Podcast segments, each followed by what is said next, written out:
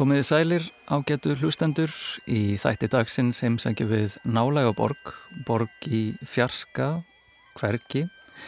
Við heimsækjum álfheima og mannheima og við veltum fyrir okkur lólítum í ýmsum stærðum og gerðum.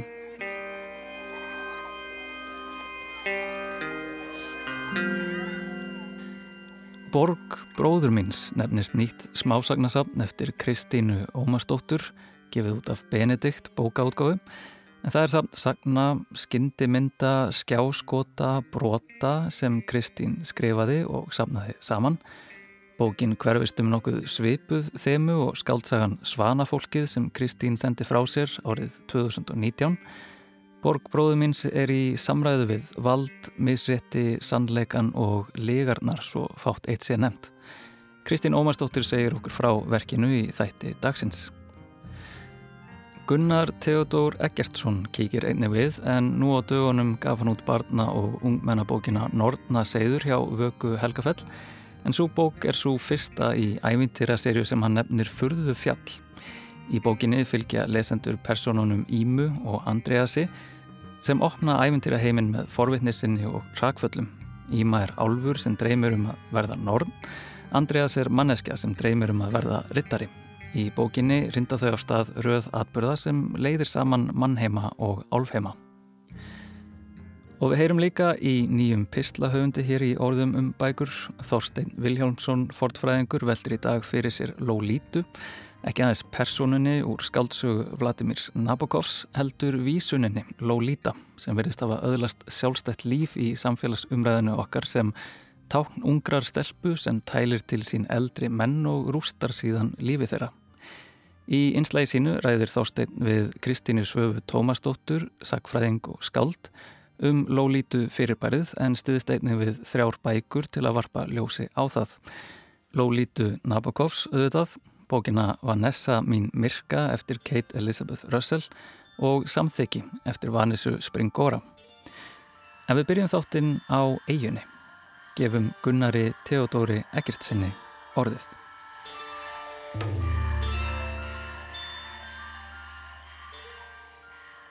Ég satt neyri fjörunum við hrúðsnef og beigð eftir að sækirnar dröttuðust upp á land að býta þaran. Hvers vegna voru þær alltaf svona lengi? Skildu þær ekki að ég hefði ímislegt betra að gera en að hanga í kulda og róki og standa gegn blöyti fætuna tímanum saman á meðan ég týndi utan að um hrúðukallana? Ég hafði samt ekkert betra að gera. Mér döðleitis bara. Frekar vildi ég vera upp í hlýðum að leika mér í hlýjunni að klifrum í klettunum fyrir neðan þorpið eða ég leitað móberjum með fram brúarfljóti. Allt var betra en að dúsa á útkjálkanum alla daga. Pappi sagði að vinnunni var dreift jamt á alla krakkana en myrka vinkona fekk miklu oftar að veiða fisk í fljótinu og svóri vinnu minn var í fullu starfi við að sjá um dýrin á engjónum. Þetta var ósangjant, engin spurning. Mér fannst það þá og mér finnst það enn. Engin annar þurft að dúsa jafn mikið í fjörun eins og ég. Hann verið að refsa mér eða búa mig undir einhvað ég sem var höfðingadóttir. Kanski var það einmitt þess vegna sem mér voru fengin verstu störfin. Það var við sveipa með súlu þegar hún var yngri. Pappi hefur ekki viljað að hinnir fjarðarbúarnir heldu að við dæturnar fengjum einhverja sér meðferð. Ef ég kvartaði undan kuldanum, saðan það bara vera góðan undirbúning fyrir lífið. Og ef ég baði maður um að fá frekar að hjálpa mömmu við smíðastörfin, þver tókan fyrir það og myndi á að mamma væri nú þegar með lærlinga í vinnu.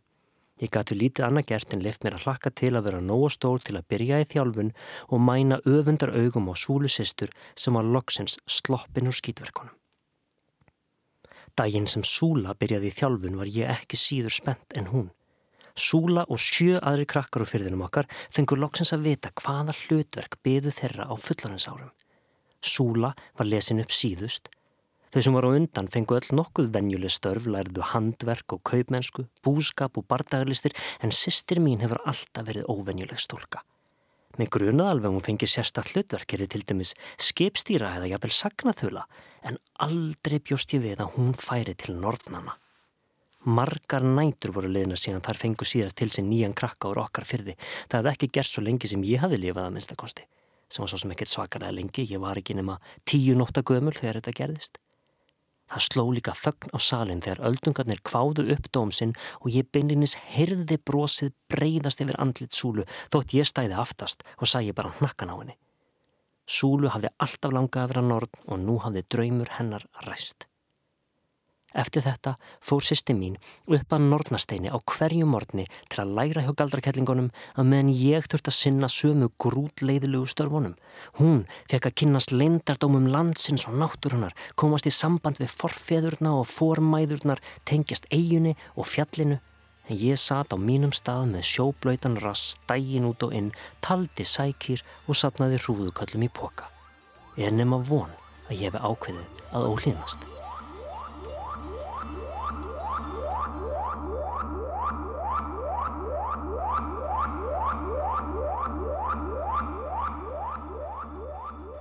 Nortnaseiður er fyrsta bindið í nýri serju sem ég er að skrifa fyrir börn og úlinga. Þetta er æfintýra bók, uh, fyrsta skipti sem ég skrifa serju, svona, svona sem ég er búin að ákveða hvað gerist í hildarsögunni. Ég hef skrifað framhaldsbækur aðverðin en það eru alltaf verið svona sjálfstæðar og uh, tengdar thematíst og svona. Þannig að þetta er búið að vera mjög alveg nýtt ferli fyrir mig að skrifa svona stóra sögu en samt einhvern veginn til að halda mig við stutt bindi í einu. Mm. og þetta er tvöföldsaga ég hef alltaf óg gaman af að hafa svona ólík sjónarhóttn og reyna að tvinna þeim saman og ég held ég hef aldrei gengið af langt eins og hér. Hérna ertu bókstala með eitt kapli er hjá Andreasi sem er mennskur drengur á meginlandi óskilgrindu meginlandi sem er svona miðalda fantasíu heimur og svo Næsti kapli er þá alltaf hjá henni Ímu sem er alvastelpa sem á heima og líka svona undarlegri eigu sem er, uh, hef, ber ekkert nafn en er svona falinn fyrir umheiminum og bara til í þjóðsögum hjá strákunum. Og uh, svo hoppa ég svona milli þessar að tvekja uh, eh, persona og líf, skoða hvernig líf þeirra þó það séu ólíkt sko, kallast á eins að vegu hvernig þau eru sem personur svipaðar og langar að verða hann vil vera rittari og hún vil læra galdra og, og svo fylgir svona bókin ákveðnum munstri hjá þeim báðum þau lenda bæði í óhöpum og hægt og rólega byrja sögurnar að, að tengjast. Og þetta er heil heimur uh, sem vart að skapa þarna fyrir söguna og einmitt svona hálfvegs mannheimur, hálfvegs álheimur og í, í byrjum bókar er, er kort af eiginni og hún er mjög svona regluleg uh, hvernig svona hvernig verður þessi heimur til? Hvernig, hvað er það fyrsta sem hún gerir til að búa til svona heim? Til fyrsta sem fyrsta sem ég gerði var bara þetta er bara eitt pínulítið skref í einu sko. ég hef aldrei, ég hef lengi langa til að skrifa og búa til heilan fantasíum. Ég hef aldrei gert það. Allar sögurnir minn henga til þó að það verið mjög ævintýralegar. Er alltaf, eru svona rótaður í okkar umhverfi, gerast á Íslandi eða byrja á Íslandi eða einhvern veginn með annan fótinn hjá okkur sko. Og hér er ég algjörlega að fara uh, út í óvissuna og þetta er bara búið að taka langan tíma og hann er í sífældri mótun þessi heimur en ég veit svona ákveðna hluti sem að ég um til dæmis þessa eigu, hún er ég þarf að skrifa alveg langa ég er búin að skrifa alla baksögu eigunar og jarðsögu hennar og allt það sko sem maður er einhvern veginn að láta seittla inn í söguna og eðlilegan hátt. En þetta byrjaði bara með ímu. Ég sá bara fyrir mig þessa alvastelpu sitjandinir á strönd Um, það er eitthvað svona, já, fjör, eða fimm ár síðan ég hérna, sá hann eitthvað rosastert fyrir mér og, og uh, sittundur á strönd í kuldanum að býða eftir einhverju og ég viss aldrei hverju. Og það tók mér langan tíma að fatta hvaða var sem hún voru að býða eftir. Einhvað ofan í sjónum sem kemur upp til hennar. Og uh, ég reyndi held ég alveg tviðsar eða þriðsar að byrja á þessari sögu og það var ekkit úr því. Ég þurfti bara að vera þólumóður og klára aðrar bækur á meðan. Og svo leiði ég viss eftir hverju hann var að býða þá bara fór heimurinn að lifna við. Og, og svo e, sko stækkar heimurinn náttúrulega og ég þarf að búa til húnna reglur og, og, og reyna að sjá fyrir mig hvernig það er að búa í honum og allt það. En þegar ég fekk hana listakonuna Fífu Finnsdóttur sem að teiknar alla myndirnar þegar hún kom inn í handritið, þá var handritið í rauninni eiginlega alveg tilbúið, svona nánast eða svona aðalupkasti var alveg tilbúið á fyrstu bókinni hérna.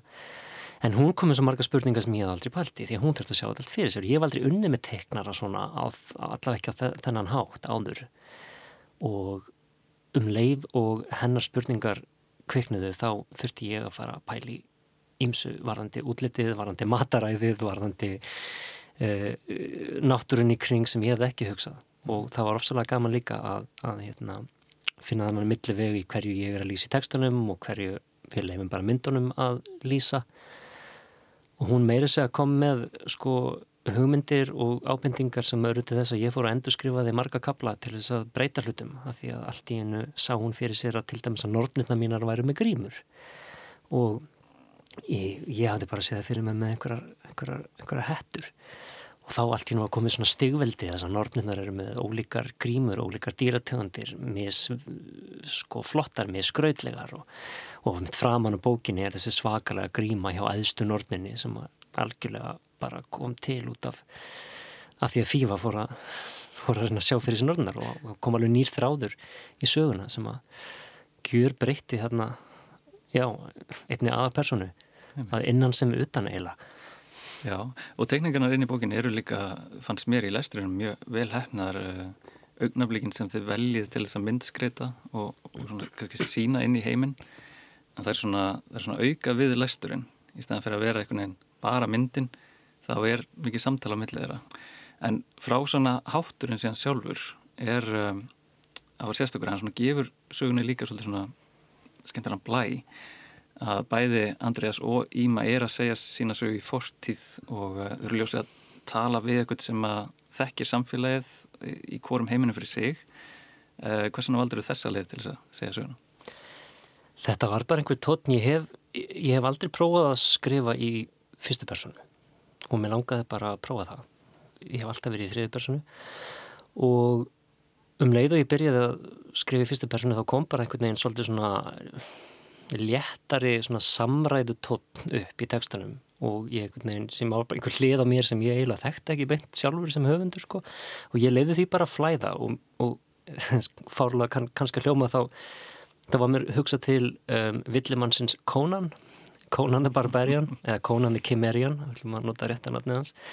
Uh, og gömlu förðusögurnar um hann, af því að hann höfundurinn sem skrifaði sögurnar um Conan hann, hann skrifaði þar allar í svona ólíkri tímaröð, stundum var hann gamal stundum var hann ungur. Og hann saði sjálfur Robert E. Howard, hann saði sjálfur að hann sá alltaf fyrir sér Conan sítandi við varðeld, bara svona segja sögur af sjálfum sér, þannig leita ná allar svona sitt heldarverk um Conan og ég hugsaði alltaf um þetta, ég sá fyrir mér Ímu og uh, Andrea síðandi við varðeld að segja sögur að sjálfa sér. Og ég, svona, jú, ég veit alveg við hverja þau eru að tala sko, en, uh, og auðvitað er það að tala við lesendur, en þau eru líka að tala við einhverja svona, sem eru á eiginu og þetta var bara svo skemmtilega leið til að geta sagt til að geta líst heiminum án þess að þurfa endil að fara til hvert einasta smátriði og, og geta uh, já, við reynir fengið rosa mikið frelsi að vera með söguröld sem að er svona svolítið að spjalla við þig og, og þarf ekki að kynna allan heiminn fyrir þér. Þannig að í lesandur eru kannski stundum svona svolítið að keppast við að halda utanum allt sko að reyna að fatta en vonandi treysta mér fyrir því að ég, að ég er að leiða þau svona nokkuð örugum höndum í gegnum þetta.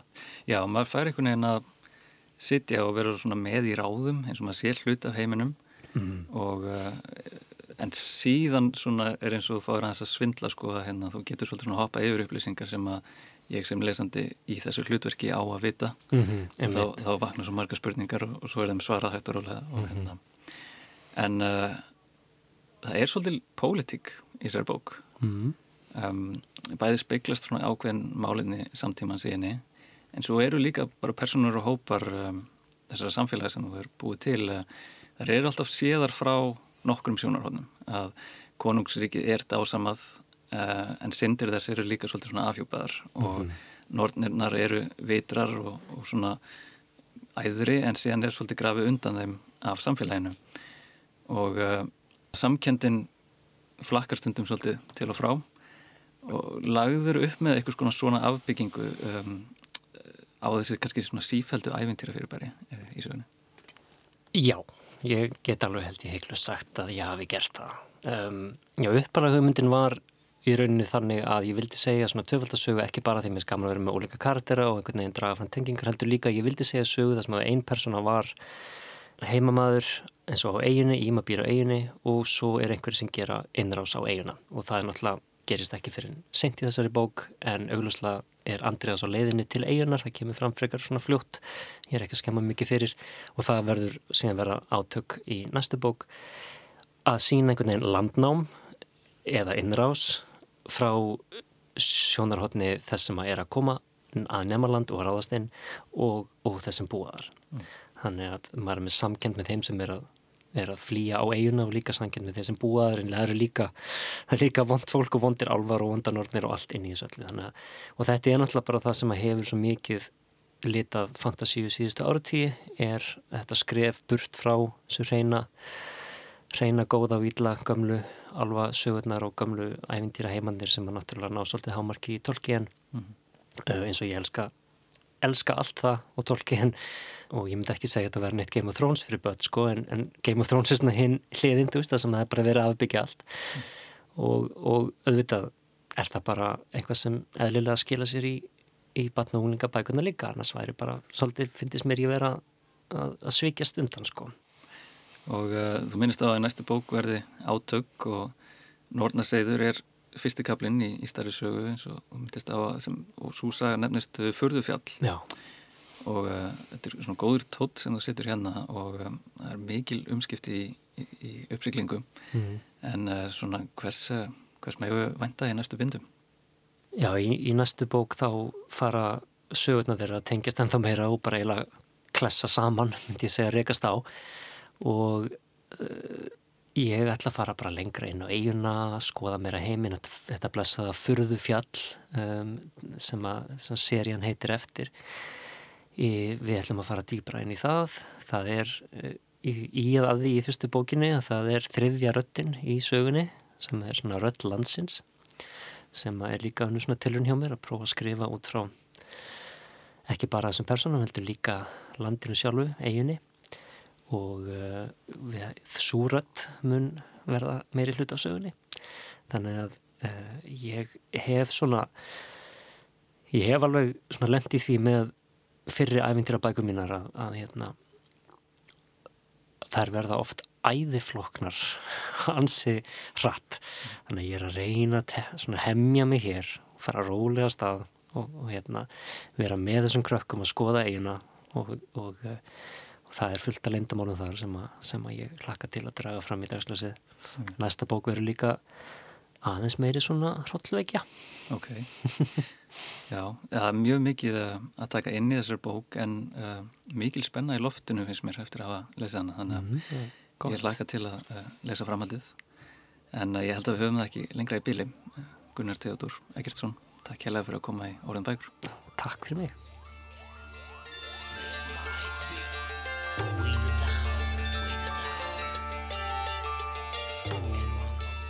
Það var Gunnar Theodor Eggertsson sem sagði þarna frá bókinni Nortnaseiður sem er fyrsta bókinni í ævintýraseríunni Furðufjall.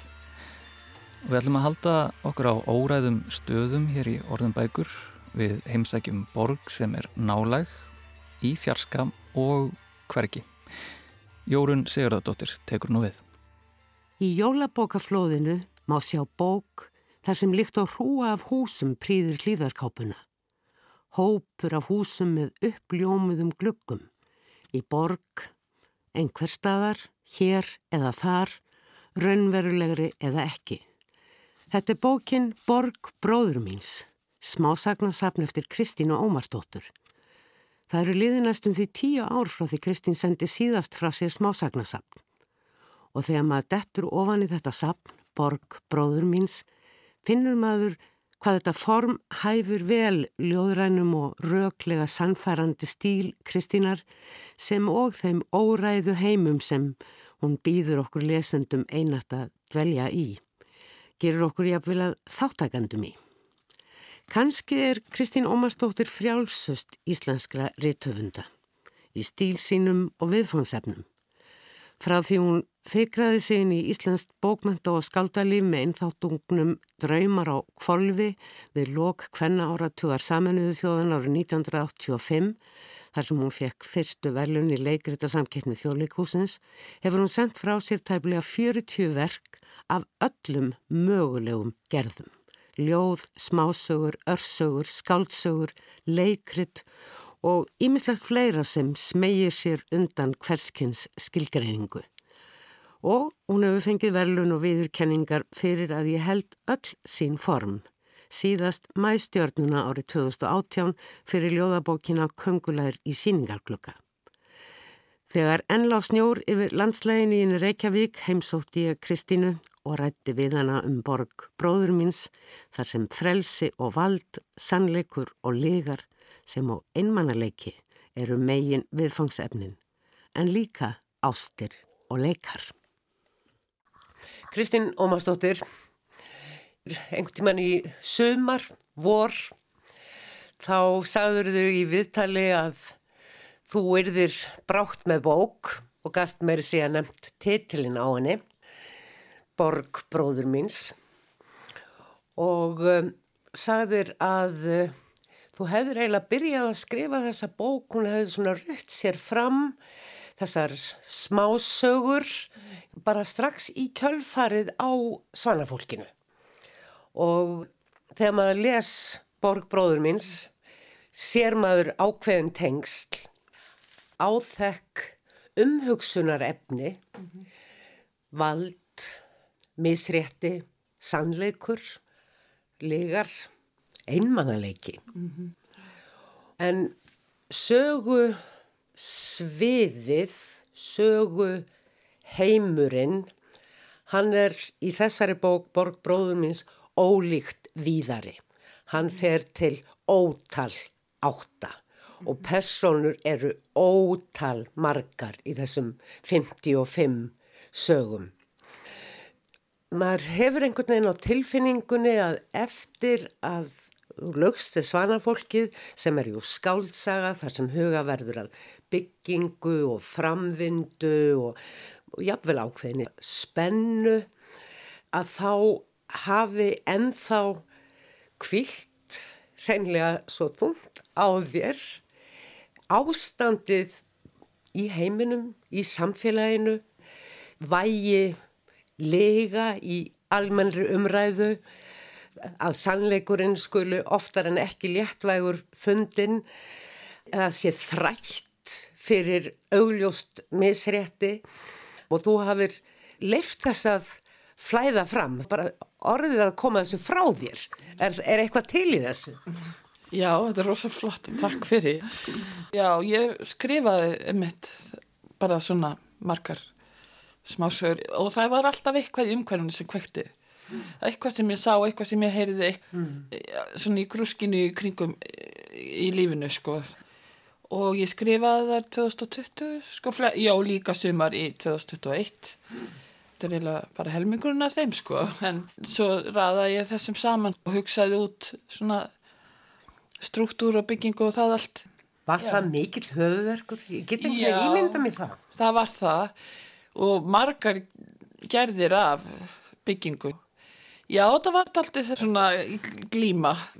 Mér finnst aldrei sjálfsagt að það fari við, sko. Nei. Það er verið að, þú meina, sanna sig, heia ákveðna þálraugin. Ég er nú bara búin að lesa bókina einu sinni, en þetta er bók sem að mun uglust, öðlast, breyttar útlínur við hvert lestur fyrir utan að það má náttúrulega alveg blada í henni og láta sig falla inn í einhverja sögu á einhverjum stað.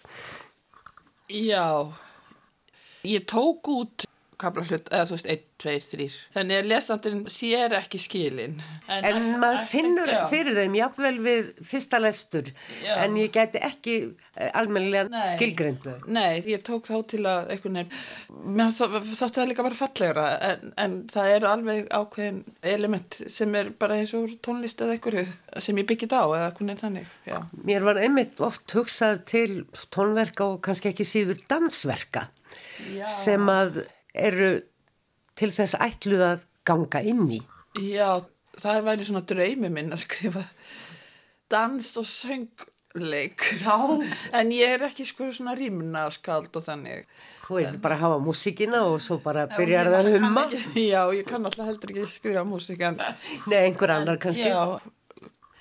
Mér fannst líka aðteglisvert þar sem þú sagðir í sambandi við svona uppröðun og sögunum og ekki gefa lesandanum allt of mikla, mikið skipulag fyrirfram og mér finnst eftir því sem að leið á lesturinn að þá fór ég að hugsa að þú sem höfundur ertu einhvern veginn í mjög miklu samtali við lesandan í, í þessari bók.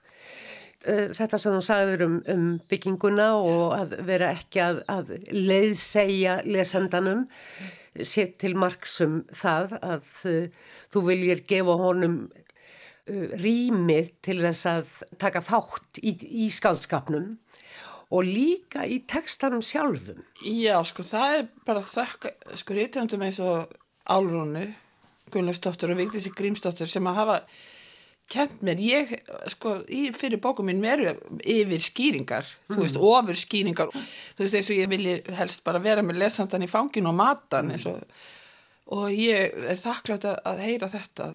Ég bara vil alls ekki skrifa þannig, ég vil bara treysta Þú tilengar jú uh, bókina Álrónu vinkonuðinni sem lést á þessu orðin. Í höst, í mm. september. En hún var þér mikilsverði? Algjörlega, sko. Mm. Ég vil vinkonur þessi undan hann sjö ár, sko, við þekktum stáðu líka en í, sko, vor þá bað hún um að lesa. Hún var búin að lesa eina, eða þú veist, eitthvað sögur, þannig að, já, þannig að maður elskar eitthvað sem maður ekki það hérna heyrði viltu lesa hérna og náttúrulega kendi mér líka að vera vinnur sem er náttúrulega list Þessi bók hún fjallar líka um vinnáttu, hún fjallar um samskipti og um það að gefa og þykja, ráða og fylgja. Þú ert mikið að pæla í mannlegu eðli í samfélagi í svona smærri samfélögum í samhengi bakarís eða lítilsbæjar sögurna gerast jú á ólíklegustu stöðum Já, smá svona eins og ég sé að leika mér í borgarleika eða eitthvað, hvað heitir þetta, SimCity eða eitthvað svona Þú sagðir áðan að, kveikjan að flestum sögunum hefði bara komið til þín úti á gangi eða á kaffihúsum eða hvem á þetta hvað? Já, það er ekki kaffihúsum en kannski bara hjóla eða lappa og ganga. Mm. COVID var að byrja og ég var líka að teikna mikið, ég saði frá því í YouTube bandi af Benedikt útgáfinni ég var með teikningar frá pappa mínum sko, sem að hann gerir í stríðinu og svo var ég sjálfa að teikna mm og einhvern veginn finnst mér þetta að vera líka upprinnin já, ég var líka að tekna, fór að tekna svo mikið af húsum og það held ég að ég hitt ekki neitt fólk að því að allt var lokað og já. allir voru inni þannig er þetta líka eitthvað skonar leik, að leika sér við það að hérna, reysa einhverja litla borg sko mm. á já. eins og bara arkitekt með mm. mótel Ég myndi gætna það að vilja gert það sko bara hérna heima mm. og, og setja upp en ég gerði það líka náttúrulega mest í hugunum þar sem að sögundar eru staðsettar það eru ákveðni staði sem koma fyrir aftur og svona. Já, oft tjarnir í... Þá eða... var pæla í að það eru kannski tvær tjarnir sem þessar tjarnir eigi sér fyrir mig, það er tjarnin hérna niður frá mm. og svo tjarnin í Hafnafjörði. Þetta er svona smá tíser sem ég er að gera núna.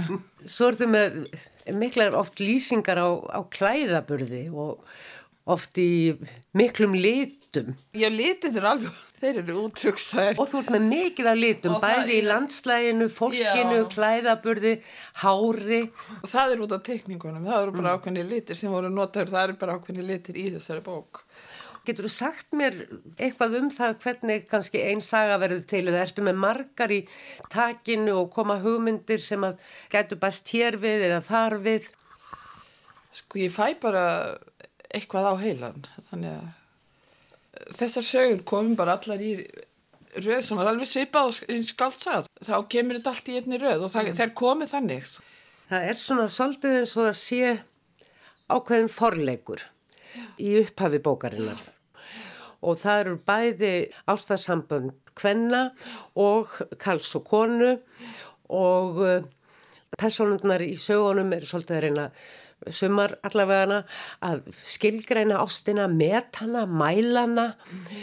og svo getur það komið fyrir að hún er bara allt í hennu ekki lengur fyrir hendi en eiga síður kannski vináta og, og jákvægt þel Já. manna í millum það er enda frekar þegar um tvær konur er að ræða heldur en Karl og konu Ástin er þú ert svolítið að krefja hana í tengstum við valdið og sannleikan algjörlega og sannleikunum getur verið hættulegur. Hann getur já, valdið einmannaleika já, hann er stórhættulegur og já, það er betra eða það er sko kannski þægilegra stundum að ekki samt er það ekki þægilegur því að þessi þægindamesska er bara einhvern veginn yfirbreysla eða einhvern veginn svona dáleiðsla eða eitthvað svo leiðs já, ég var, eh, var daldi mikið að spá í, í sambandi við vald og, og, og er alltaf að því einhvern veginn að spá ég einmitt hvernig okkur er stjórna og hvernig við svo látum af stjórn eða sagt og látum stjórn okkur og stjórnum okkur og stjórnum öðrum og Af hverju er það svona eftirsótt að hafa vald og ráða? Ég bara skil það nú ekki reyndar. Nei, það er eins og sérst að þurða þig á því í gegnum alla bókinu það... með lýsingum á allskynns valdbeitingu missýnilegri. Já, ég var náttúrulega líka hef, hef sko verið með gíslingu á heilanum alla þessa öld og hvernig við, ég vil ekki nota orðið við því að ég til minnst ekkert til hérna einu við eða þetta við sem að er talað um, maður veit ekki hvað það er. Og hérna allavega þá vil ég segja bara frelsið er náttúrulega svo vand með farið og það er fáið sem þóra að vera frjálsir. Því það þýðir að þú þarf líka að vera þú þarfst að segja eins og er þú þarfst að segja satt mm. og þú þarfst að bara vera já það er bara þvílikt vesen að vera frjáls en eitthvað sem er rós mér finnst vera það sem það þurfi að leita að sko og leitast eftir að, að reyna að vera mm. en ég er ekki búin að finna finna formáluna eða finna það, þú veist ég all, alls ekki frjál sko en náttúrulega þá á ég líka þú veist vinkonu eins og álunni og svo vikti sem að hafa sagt mér og sínt mér hvað heimurinn gengur fyrðulega fyrir sér og í allri anstöðu við mannlegt eðli. Þú veist að man, mannskinn alltaf að reyna eða bara hún er rosa mikið að kúa sig sko. Og bara vilja láta kúa sig stundum hugsaðmaður en, en hún hefur samt ekki oft annar að kosta full þannig að þetta er sko algjör díla og þess vegna er ég með þetta alltaf á heilanum. Og þess vegna er þessi bók til. Já. Í tengslum við það sem við vorum einmitt að ræða um frelsið og sannleikan þá er hérna brot úr þetta er upphafið á sögunni miðbyggbókarinnar heilagur andi í stólnum mínum í kvöld. Hvað þýðir það? Tittlarnir eru útaf fyrir sig saga í þessum sögum. Og hún veit ekki hvort orðunum dómusvaldinu er þóknanlegra, fals eða heiðarleiki Sjálf gerur hún ekki greinamun á uppgerð, tilgerð, síndamennsku og veit ekki hvað er eðli ef munur er á eðli og óeðli. Hlutleysi er orðanum heldur ekki þóknarlegt þóttu láti sem svo og sannleikurinn gildir engu. Sannleikurinn færi fólki aukin á stigveldis hraða aukin, aukin, aukin innmannaleg. Sannleikur og einmannarleiki búa í sama sögða húsi. Sannleikurinn er kraftur með fælingar mátt. Sá er sannleikmælir só bara undan sér félagskapnum. Sannleikurinn gerir mann einmanna og frjálsa. En vonandi er einmannleikin bara frákvarf sem líða hjá, ekki örugt þó og ósannað. Þetta hugsaði hún og gekk heim úr vinnu. Þetta veku nú mörg hugreiningatengsl og hverjum sín ekki satt. Þegar þú ert að skrifa þessar sögur, sjá fyrir þér þessar personur, stundum höfum við lýsingar á födum, stundum ekki, dögt hár eða ljóst eða jáfnvel fjólublátt og umhverfi, blómum, litum, fjöllum, húsum. Sérðu þetta fyrir þér eins og bara uh, bíómynd. Algjörlega, það Mm. ger ég. Já, ég ger það. Og veistu alltaf, allt um personunar. Ég skrifaði hérna hjá mér, það er ein sagan, ég man ekki hvað hún heitir, það sem eru margar stúlkur saman og ein er svona frekust og heimtar að kissa aðra sem ekki vill kissa hana og hinn espast bara upp við það og heimtar að fá það, nei, hún missir tennurnar og svo verður þá á raunin því að svo frekar lætur, ekki undan. Og svo er þarna einhver kona sem heitir Petra og þær fara allar að leita tönninni, þetta er náttúrulega mikill missir en finna hana ekki. En Petra finnur hana. Já. veistu hvað Petra ætlar að gera fyrir tönninni? hún lætur að þeir ekki hafa hana Nei, hún... ekki í sögunni Nei, hún mun aldrei gera það heldur. Nei. Nei. og gefur henni vald kannski Já, ég, hún er samt svona kona sem, er, kona sem er alltaf á bakvið allt. já, En þær pikka alls konar hluti upp. já, nákvæmlega kon, konur sem kannski vinna og taka til á hótelherbyggjum. Þar Mm. finna ýmislegt og stingi vassan. Þannig að en talandum að finna að eh, oft er undanfarið þess að finna leit og ég er nú bara alveg nýbúin að lesa síðustu söguna, útsýnis klettur. Þar er kjarnast kannski einhvers konar sögn eða áeggjan þessara bókar að leita.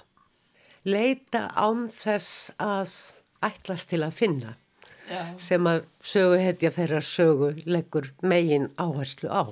Já, já, akkurat það er einhvern veginn lífið held ég já, að leita það er nú eiginlega skemmtilegast það sem hægt er að gera mm. fyrir þetta maskari og tjók Einmitt. Við erum fegin að þér skulle þykja svona gaman að skrifa. Kristín Ómarsdóttir, við gætum setið hér lengi dags í gamla vestubænum og horti yfir snæfiðhækin þökin og spjallað og spjallað og spjallað. En nú setjum við punkt og ég þakka þér innilega fyrir. Takk, Jón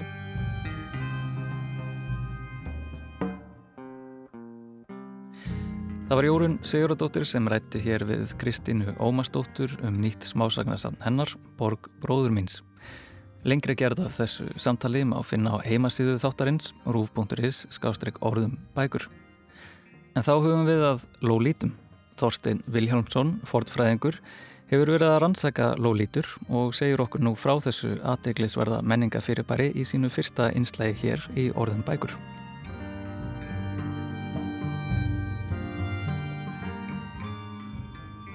Nýlega varð áður lít þektur leikari skyndilega landsþektur þegar hann mætti í sjónvarp allra landsmanna og held í grátandi fram að tvær 15 ára stelpur hefðu tælt hann til að senda þeim mynd af tippin á sér.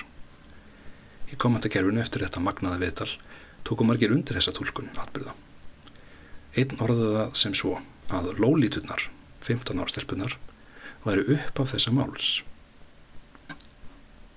Það er ekki oft sem að sér vísaði karakterar úr bókum rúsnarskra reytöfunda í kommentarkerfum landsins, en Lolita úr sannvendri bók Vladimir Nabokov er í sérflokki.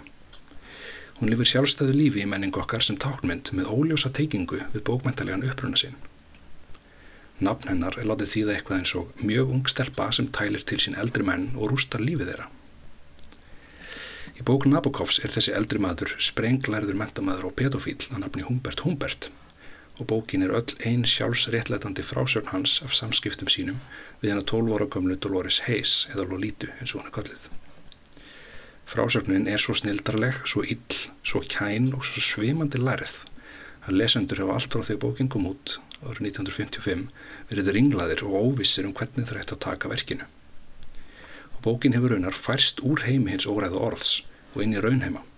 Hún er orðin hluti af táknheimi hins ójafna valdasambands millir ólögraða stúlkna og eldri kallmanna sem gyrnast og nýðast á þeim. Í kjölfara MeToo hafa konur farið að tjá sig um gömul sambund sín við þessi eldri menn, hafa endur skilgreynd valdasambundin þeirra á milli og óhjákvæmilega hafa þeir þurft að taka lólítu með í endurmatt sitt á atbyrðu. Þessi jólin koma út tvær þýttar bækur frá sitt hverju landinu sem báðar taka sér þetta þeima. Líkindi bókana er að mörguleiti ótrúleg. Báðar fjallum stúlku sem er látin inn í hlutverk Lolítu af eldri mentamanni sem setur sjálfan sig í hlutverk Humberts Humberts. Báður mentamennir njóta verndar og samþykis af hálfu sinna líka í samfélaginu og, þetta er það óvendasta, báðar hætta stúlkunar Vanessa. Bækunar eru annars vegar skáldsagan Vanessa mín Mirka frá árinu 2020 eftir bandaríska höfundin Kate Elizabeth Russell og hins vegar sjálfsæfisögu skáldsagan Samþykki frá sama ári eftir franska bókaútgefundan Vanessu Springoru. Vanessa mín Mirka fjallar um Vanessu Vai sem er 15 ára nefandi í fínum heimavistarskóla þegar hún kynist Jacob Strain, sprenglarðum ennskukennara á miðum aldri. Strain tælir Vanessu til sín og sem hluti af því ferli gefur hann henni Lolítu til lesturs. Vanessa dregst inn í bókina og tólkar hann sinn hátt til uppnum hefst. Allt í enu er allt sem við gerðum komið í glænýtt samhengi og ég öðlast meiri skilninga á til hvers hann ætlast af mér. Eða hvaða niðurstöðu ætti ég að draga aðra en þó augljósu. Hann er Humbert og ég er Dolores. Til uppnum líkur. Í bókinni Samþykki er hins vegar líst sambandi sem aðalsöguhetjan, nefndu Vaff, á við vel metin miðaldra reytöfund, G, frá því að hún er 13 ára gömul. Sambandi nýtur samþykkis með menningarvita og jafnvel móðurvaff. Rítumundurinn G segir Vaff endalust að hún sé skáldagiðin hans og hann skrifur um hann í bókum sínum sem allar verðast fjalla um kynferðslegt samneiti hans við ólögráðu börn, franskar stúlkur, filipsiska vendistrengi. Fyrir þessar bækur hlýtur G lof og hrós í Fraklandi og þótt ótrúlega kynna virðast er þetta ekki uppdiktað því það gæti ekki verið auglösara að Vaff er Vanessa Springora, höfundur bókarinnar og G er Gabriela Matsneff rítöfundur.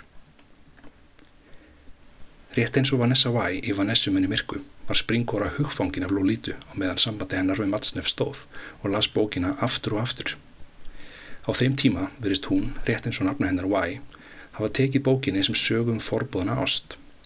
En nú sem fullur henn kona og eftir MeToo skrifar Springora að Lolita sé að hennar mati kröftugasta og mest afgerandi fordæming á barnaníði sem hugsast getur.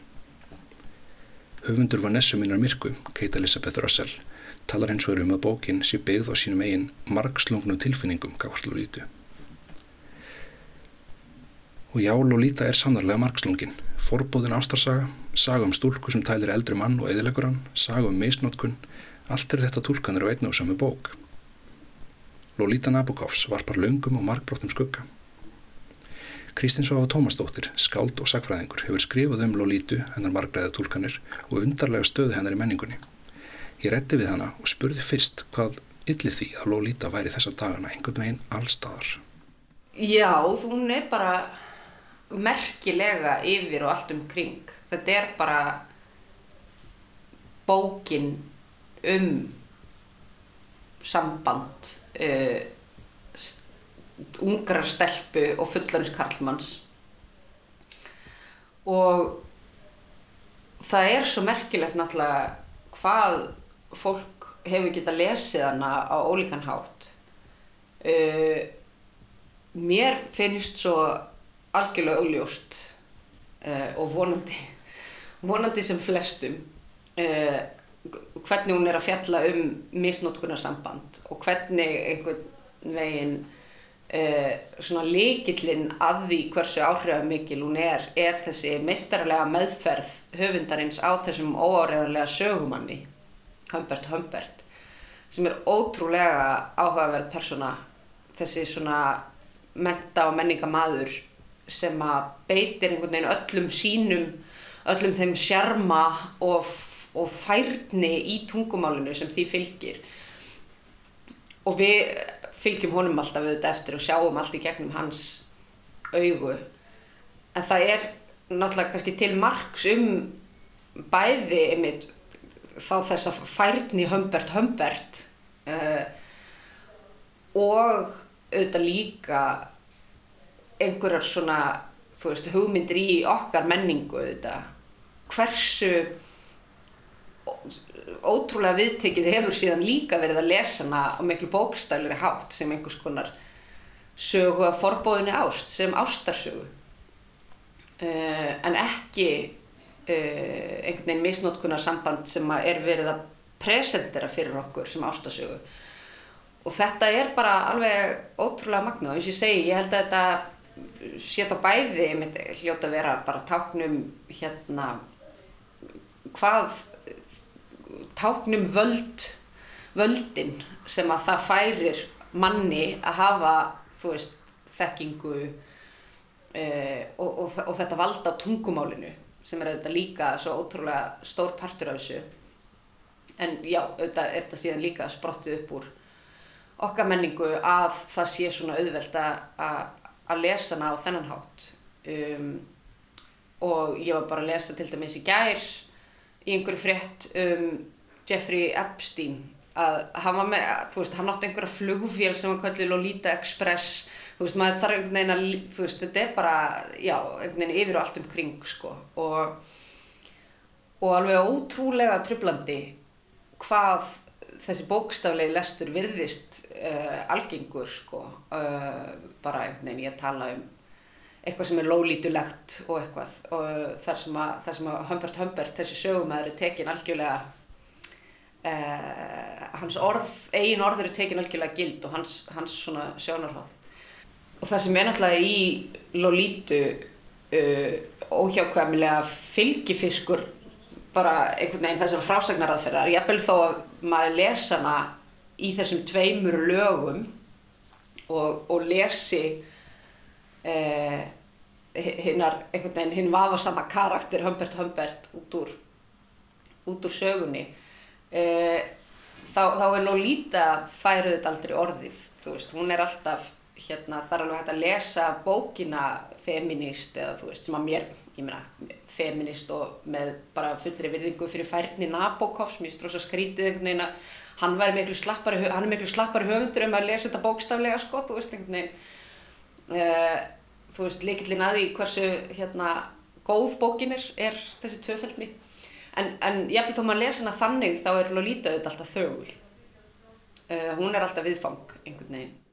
Lolita er alltaf viðfang Humberts en í bókunum Vanessa minn myrka og samþekki er því minnstri snúið við. Frásögnin kemur frá stúlkunum. Í tilfelli samþekkis er þetta sérstaklega öflugu uppreist þar sem Matsnef hafði árum saman skrifað um Vanessa Springoru í sínum bókum og einmitt þann hátt sem Humbert skrifaði um Lolítu. Þannig hafði hann í bók eftir bók haldi Vanessu niðri, haldi áfram að nota hana engangu sem viðfang og neyta henni um eigin rött og tilveru. Vanessa var til í bókmyndaheiminum engangu í gegnum Matsnef. En eins og Springóra segir, með því að skrifa var því aftur viðfangsefni minnan eigin sögu, sögu sem ég hafi verið svift fyrir allt og lungu. Rött Springóru rýs upp á sín látlösa hátt og sópar Matsnef út af borðinu á sem stórum hluta af menningaröðumagni franskrar lista og menningarílitu sem varði Matsnef og hampaði. Samþykki er skrifuð frá sjónarhóli fullorunnar konu sem hefur endurmetið sambandið við Matsnef. Vanessa minn Mirka er hins vegar skrifuð að miklu leiti frá sjónarhóli stúlkunar á meðan sambandur er stóð og hennar sín á það er brengluð. Hún er óáreðanlegur sögumæður um eigið líf, rétt eins og Humbert Humbert og aftur þarf að lesa gegn sögumænunum til að sjá hryllingin, þótt það sé alls ekki breytti af vandlega yfir hann og í lólítu. Báðar Vanessunar eru enga og síður með öflugur rödd sem þeir nota á mismunandi hátt og hafa þannig ákveðið vald. En hvers konar vald er þetta vald sögumannsins, vald reytumdarins? Ég spurði Kristínu Svöfu.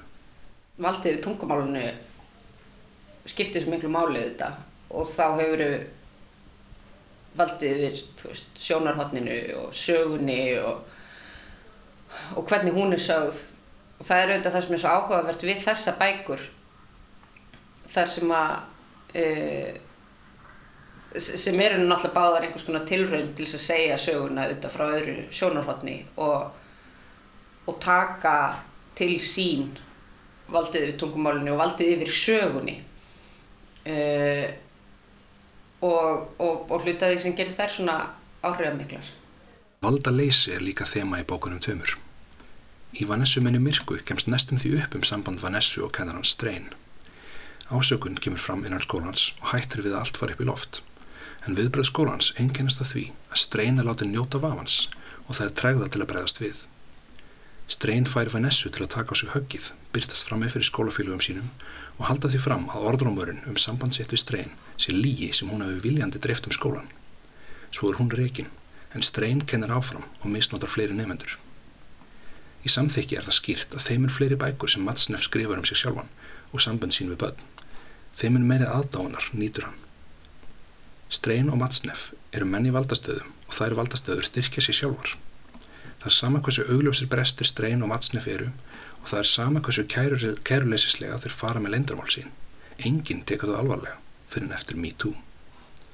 Ég spurði Kristinisögu út í refsileysi mann eins og Strein og sérstaklega Matsnefs sem beitti listinni gert til að fríja sig ábyrð. Af hverju voru bækur Matsnefs aldrei notar gegn hann? Ég hefði haldið að það væri líka náttúrulega einhvern veginn svolítið líkillin að þessu. Um, um leið og hlutirnir eru kominir á blað og, og setti fram í nafni skáldskapar uh, þá sé ekki hægt að fella sem er síðferðistóma yfir þið. En kannski líka bara einhver svona uh, van geta til að púsla saman uh, aðdáun á einhverjum sem listamanni og svo viðkenningunni á því að hann sé kannski bara skítæll.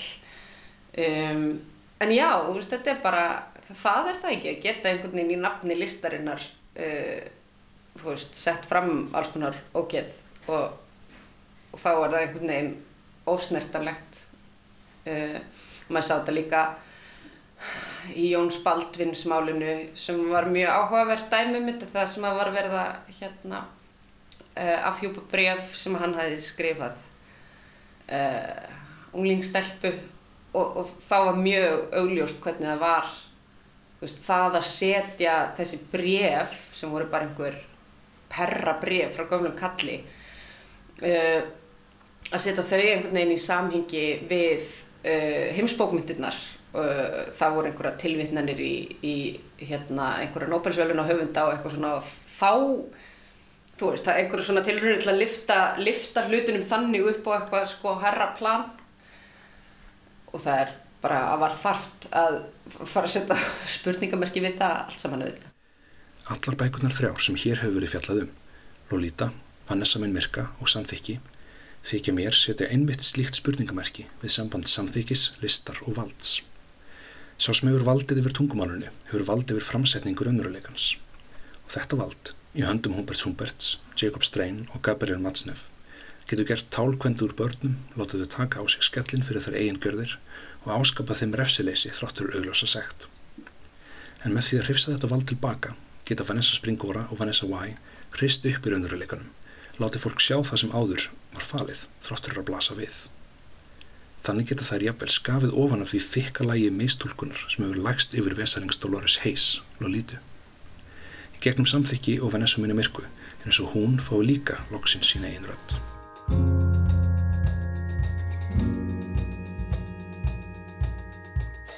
Já, sá sem hefur valdið yfir tungumálunum hefur valdið yfir framsetningu raunveruleikans, sagði Þorstein Viljámsson sem rannsækjaði hér Lólítu vísunina á samt viðmælanda sínum Kristínu Söfu Tómasdóttur. Og þeim nótum skrúum við fyrir orðin og fleiri verða orðum bækur ekki fyrir jól. Það var Úlfildur Eisteinsdóttir sem sá um að halda hljóðið þáttarins í Jamvægi. Takk ég lega fyrir það, Úlfildur. Já, mínu ránaðan. Við hlökkum til að vera með okkur á nýju ári. Takk fyrir að hlusta og gleðileg jól.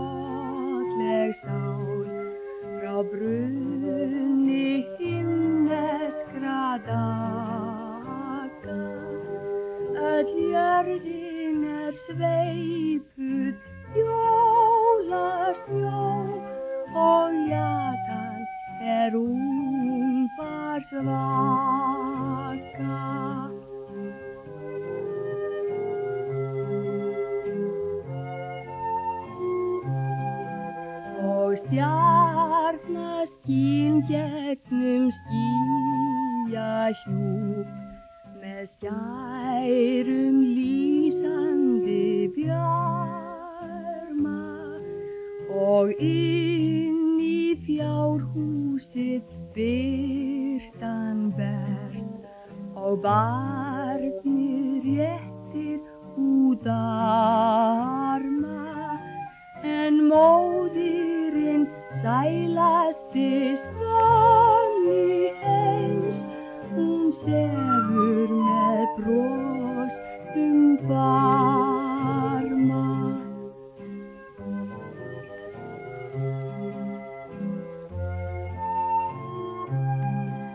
og hjarmaður byrtist um húsið allt ber höfga reykjelsis ángan í huga flytur hann himni þökk og hjalar við reyfast rángan svo gerir hann krossmark grípur fram og gistir bara